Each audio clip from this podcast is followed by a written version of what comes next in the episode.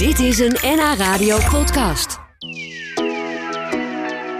Mark Laan en Richard de Groot van het Fireman Dakar team hebben spannende avonturen meegemaakt in de woestijn van Saoedi-Arabië. Inmiddels zijn ze weer thuis en is Mark alweer aan het sleutelen in zijn caravanbedrijf in Venhuizen. Maar ze hebben heftige weken achter de rug. Ze legden duizenden kilometers af tijdens de 44ste editie van de Dakar Race. En ze finishten als negende. En dat is echt een bijzondere prestatie. Nou, je moet zo zien, eh, dit jaar starten er 52 eh, vrachtwagens.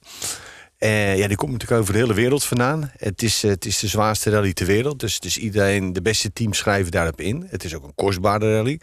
een hele onderneming. Zeker omdat het 14 dagen achter elkaar race is, zeg maar.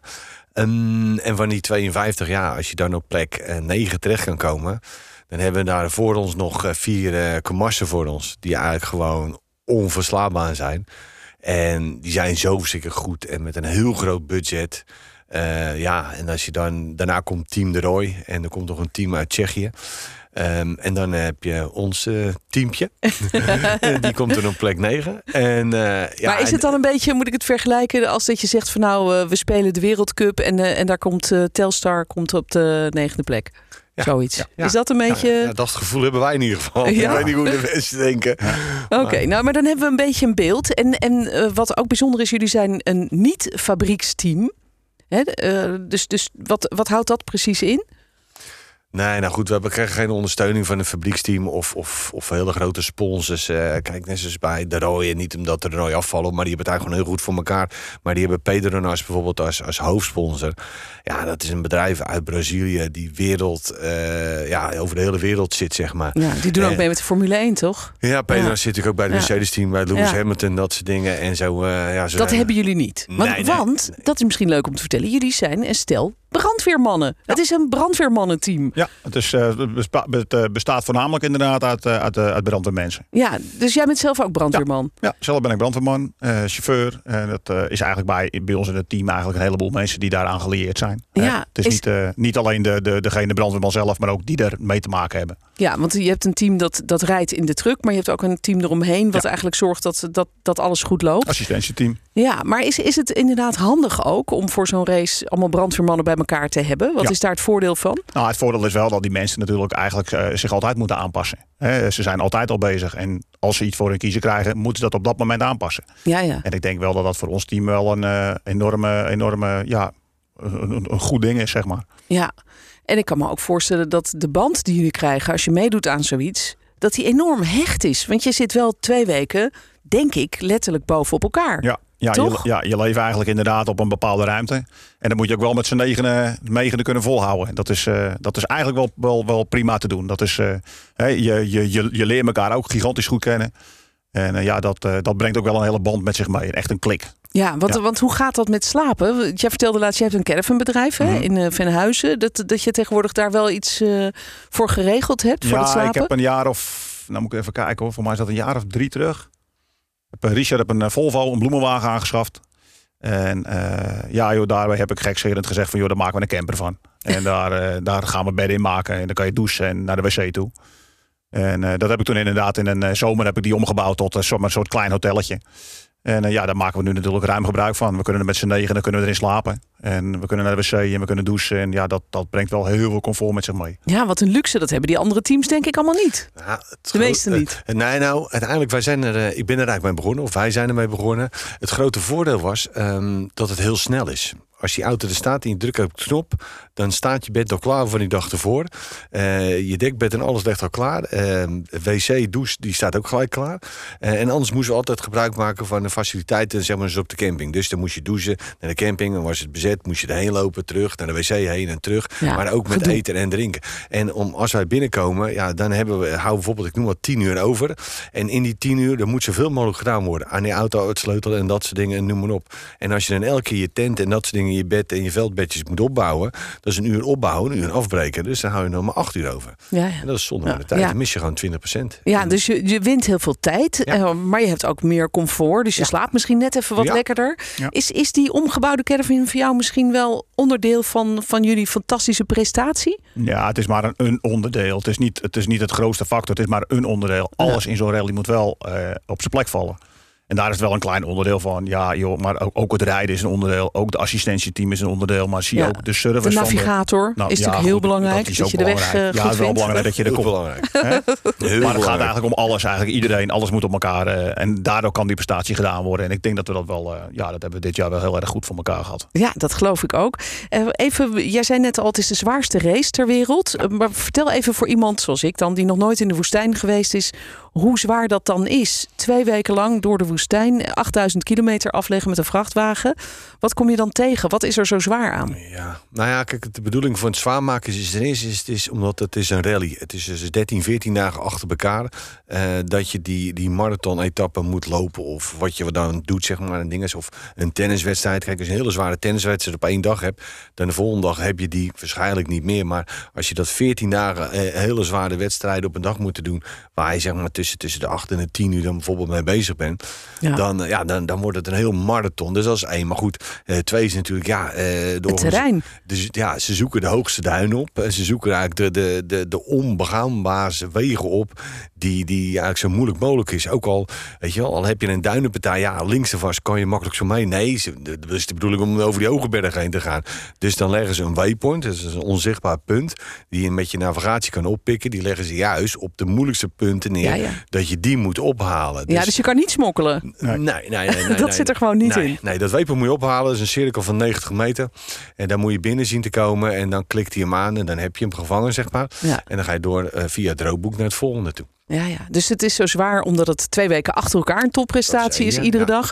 Het terrein is heel erg zwaar. Eh, de, de omstandigheden lijkt me ook gewoon dat je gewoon je zit zo'n hele lange dag en je hobbelt maar over dat zand en stenen misschien ook. Ja, ja, ja, dat klopt. Het is een, een stuitenpartij en dat Ja. soort dingen. En dat, Hoe is het met je die rug? Goed. Ja, Ja hoor, nee, we zitten in goede stoelen. Dus nee hoor, we zitten ook helemaal ingepakt. Dus nee, dat gaat allemaal wel goed. goed. Nee, nou, daar, zit, daar, is- daar zit het grote probleem niet in. Het is wel de conditie en de, en de, en de sport om dat inderdaad die 10 uur vol te houden. ja, En probeer dat maar dan ook weer 12, 13 dagen vol te houden. Dat is wel de, dat is wel de grootste uitdaging. lijkt mij ook. Nou, Ja. straks horen we hoe jullie eh, dat zo- volgehouden hebben. Want jullie hebben natuurlijk goed voorbereid. Eh, daar is ook nogal wat voor nodig. Daar horen we zo meer over. Ik praat verder met Mark en Richard, de mannen van het Fireman Dakar team, over hun avonturen in de woestijn van Saoedi-Arabië. En ik praat nog even verder met Mark Laan en Richard de Groot. Ze deden mee aan de Dakar Rally in Saoedi-Arabië. Ze reden 8000 kilometer met een truck door de woestijn. Eh, dwars door, eh, nou ja, over zandbergen, duinen heen. Van, eh, hoe hoog zijn die? ja, rond de 1700, 1800 meter. Dat is toch een stevige berg? Ja, maar het bouwt zich op. Hè. Is niet in één keer van Nee. 0 naar 1800. Dus je, je, je bouwt etappes op, zeg maar. Eh, maar goed, er zitten wel mooie, hele mooie klimmen in. En, en, en mooie afdalingen inderdaad. Ja. Dus dat, eh, maar goed, dat vinden wij mooi natuurlijk. Tuurlijk, daar ga Dat je voor. En, en, en, maar er zijn ook rotsblokken, zag ik in filmpjes. Onderweg kom je van alles tegen eigenlijk. Ja. Hoe, hoe lastig is het als je in die truck zit... eh, om, om bijvoorbeeld je kaarten nog te kunnen lezen... en je apparatuur te kunnen aflezen Nou ja, van waar dat- je heen moet? Dat is eigenlijk best wel een, een dingetje. We hebben stukken gehad eh, dit jaar ook waarbij we over stenen rijden. Dat ik op een gegeven moment gewoon niet meer kan vertellen waar we heen gaan. Omdat ik het roodboek niet meer kan lezen. Omdat je zo door elkaar wordt geschud.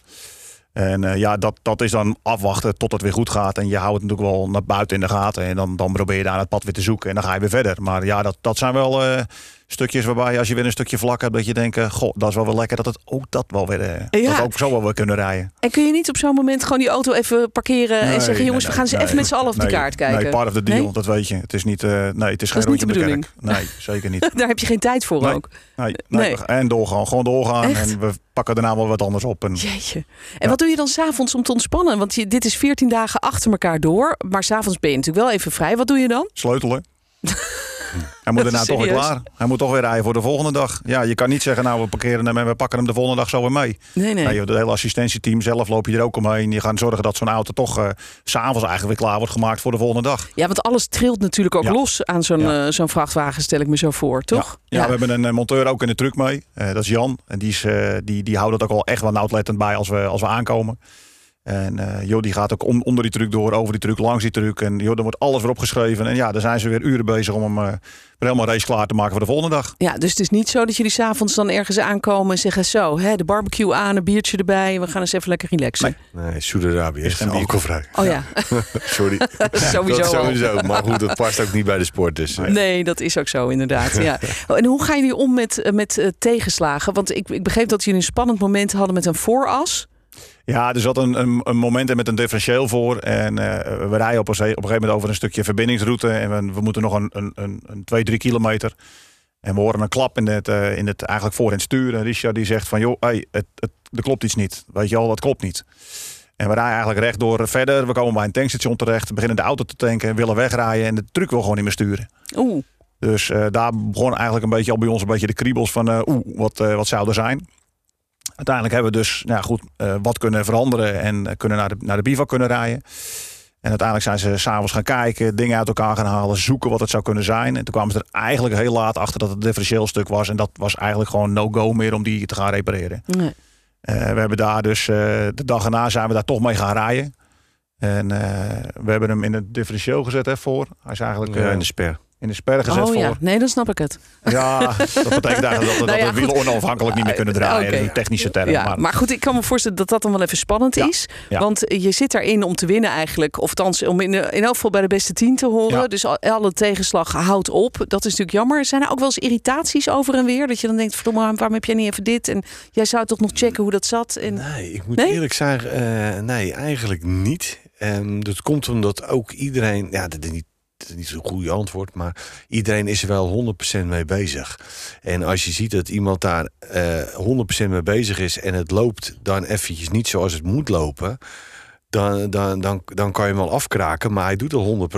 Hè? Hij, hij, hij, Ja. hij doet gewoon zo goed zijn best om het goed voor elkaar te doen. Maar dat wil niet zeggen dat dan alles goed gaat. Nee, Maar precies. dan moeten we toch met elkaar kijken hoe we het dan toch goed voor elkaar zien te krijgen. Om dan daar een, eh, een, ja, een steuntje bij te dragen of meer te helpen of te kijken hoe we dat beter kunnen doen. Ja. Nee, ik moet eerlijk zeggen, gelukkig in ons team Geen eh, is dat niet gebeurd. In andere teams wel. Maar wij, eh, ja, wij zijn eigenlijk zo goed op elkaar ingespeeld eh, dat het bij ons nu niet gebeurd is. Ja, weet je eigenlijk waar die andere teams zitten als je bezig bent met die race? Heb je enig idee hoe, je, hoe de Nee. mensen om jou heen het doen? Nee, nee, nee Oh, dat, ja. is, dat is zonde. Want we- we, starten onafhankelijk van elkaar. Elke keer tussen de, tussen de rijden zit een minuut. Maar er zitten ook de auto's zitten ertussen. Oh, ja. Dus we zitten verdeeld. En we hebben een aantal dagen gehad dat eh, in de top 10, zeg maar, eh, de van 5 tot en met 10, zeg maar, binnen een minuut zaten. Dus er zaten elke keer zoveel seconden tot een minuut tussen, tussen, tussen plek 5 en, en, en plek 10. En dan zaten zeg maar eh, 400 kilometer eh verbinden, eh special zeg maar in. En dan zit je nog steeds in diezelfde minuut, zeg maar. Ongelooflijk. Dus zo ja. dicht zit het bij elkaar. Ja, en, dat is best wel spannend nou, dus. Dat maakt het ook spannend. En zeker voor ons, omdat wij helemaal nieuw zijn in die groep. En als je dan zo dicht bij die, bij die fabrieksreis zit en dan in de minuut komt te zitten. En dan kom je bij de special en denk je, jezus, de- eh, bij de uitslag. En dan denk je, oh, dan hadden we daar nog wel iets kunnen doen. Of daar nog iets kunnen doen. Of Ja. als we dat nou niet gehad hadden, hadden we daar gestaan. Maar zo werkt het natuurlijk niet. Tijd is tijd. En, eh, Jullie maar ja, zitten die race weer helemaal te herbeleven hier. Dat vind ik wel heel Ja. mooi om te zien. Ja. Jullie Ja. zitten er gelijk weer helemaal in. Ik zit gelijk weer te denken aan die dag inderdaad. Dat er dus hè, een minuut tussen zat na, na vier uur race. Dat je denkt, ja, weet je wel. Had allemaal wat anders gedaan, weet je Ja. Maar goed. Ja. Hey, tot slot, eh, was dit de laatste keer voor jullie? Want jullie zijn nou zo lekker bezig. Of ga je gewoon volgend jaar weer? En wanneer begin je dan al met de voorbereiding? Want je moet ook super fit zijn. Ja, voorbereiding. Ja, eigenlijk begint het alweer bij het ophalen van de truck. Ja, dat is eigenlijk een jaar rond. Je bent eigenlijk een jaar rond ermee bezig. Oh het is ja? niet, eh, ja, ja, het is niet dat we even een week van tevoren zeggen, joh, laten we Dakar gaan doen. Nee, het is eigenlijk wel een jaar rond, eh, een jaar rond iets, om het zo maar te zeggen. Ja, sleutelen, maar ook sleutelen aan jezelf. Moet je veel eh, trainen van tevoren? Ja, het kan altijd beter, moet ik zeggen. Eh, nee, nee, ja, ja, ja, het- ja, wat sporten en dat soort dingen zitten wel bij. Maar het is niet zo dat wij echt, en tenminste ik dan niet echt een heel goede sportman ben. Maar wel, eh, wel sportief bezig wel. Maar als ik naar Mark kijk, die sport veel meer dan, dan mij, zeg maar.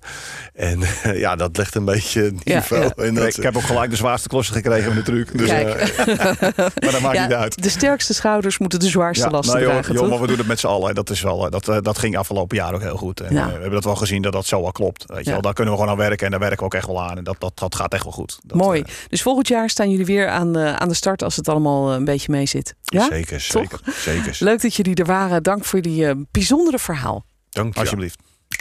Dit was een NH Radio podcast. Voor meer, ga naar nhradio.nl. Radio.